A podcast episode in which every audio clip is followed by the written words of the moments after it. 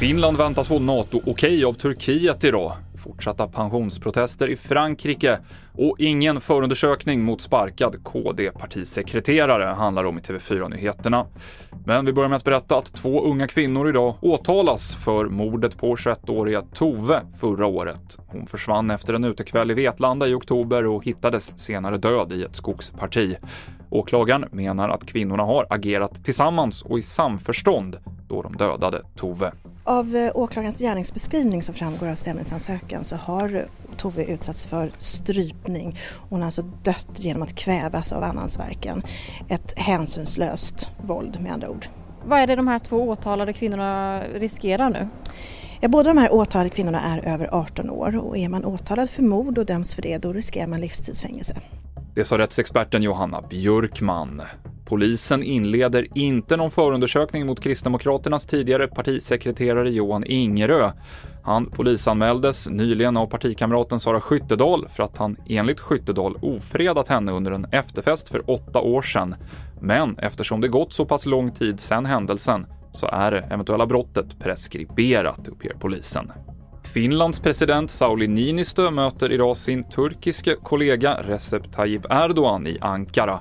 Och mycket tyder på att Erdogan kommer meddela att Finlands NATO-ansökan är godkänd. Niinistö sa i veckan att han förväntar sig ett positivt besked på plats i Turkiet. Och protesterna i Frankrike fortsätter mot de kontroversiella pensionsreformerna. Igår tog regeringen beslutet att driva igenom ändringarna utan en omröstning i parlamentet. Det innebär bland annat att pensionsåldern höjs från 62 till 64 år.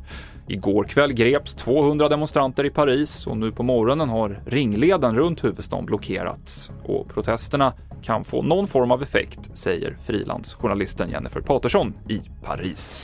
Eh, ja, det är inte omöjligt. Protester har haft en inverkan tidigare, men det vi vet är att det nästa vecka kommer vara en så kallad misstroendeomröstning mot regeringen i nationalförsamlingen. Det är inte sannolikt att regeringen kommer att falla på den, men det vi vet är att man kommer vilja se huvuden som, som rullar på grund av att människor är så arga över det här beslutet som många kallar är odemokratiskt. Det sa Jennifer Patersson och det avslutar TV4-nyheterna.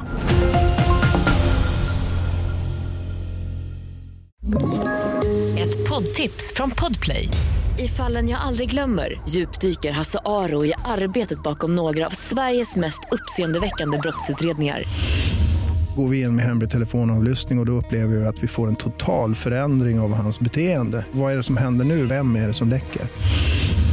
Och så säger han att jag är kriminell, jag har varit kriminell i hela mitt liv men att mörda ett barn, där går min gräns. Nya säsongen av Fallen jag aldrig glömmer på Podplay.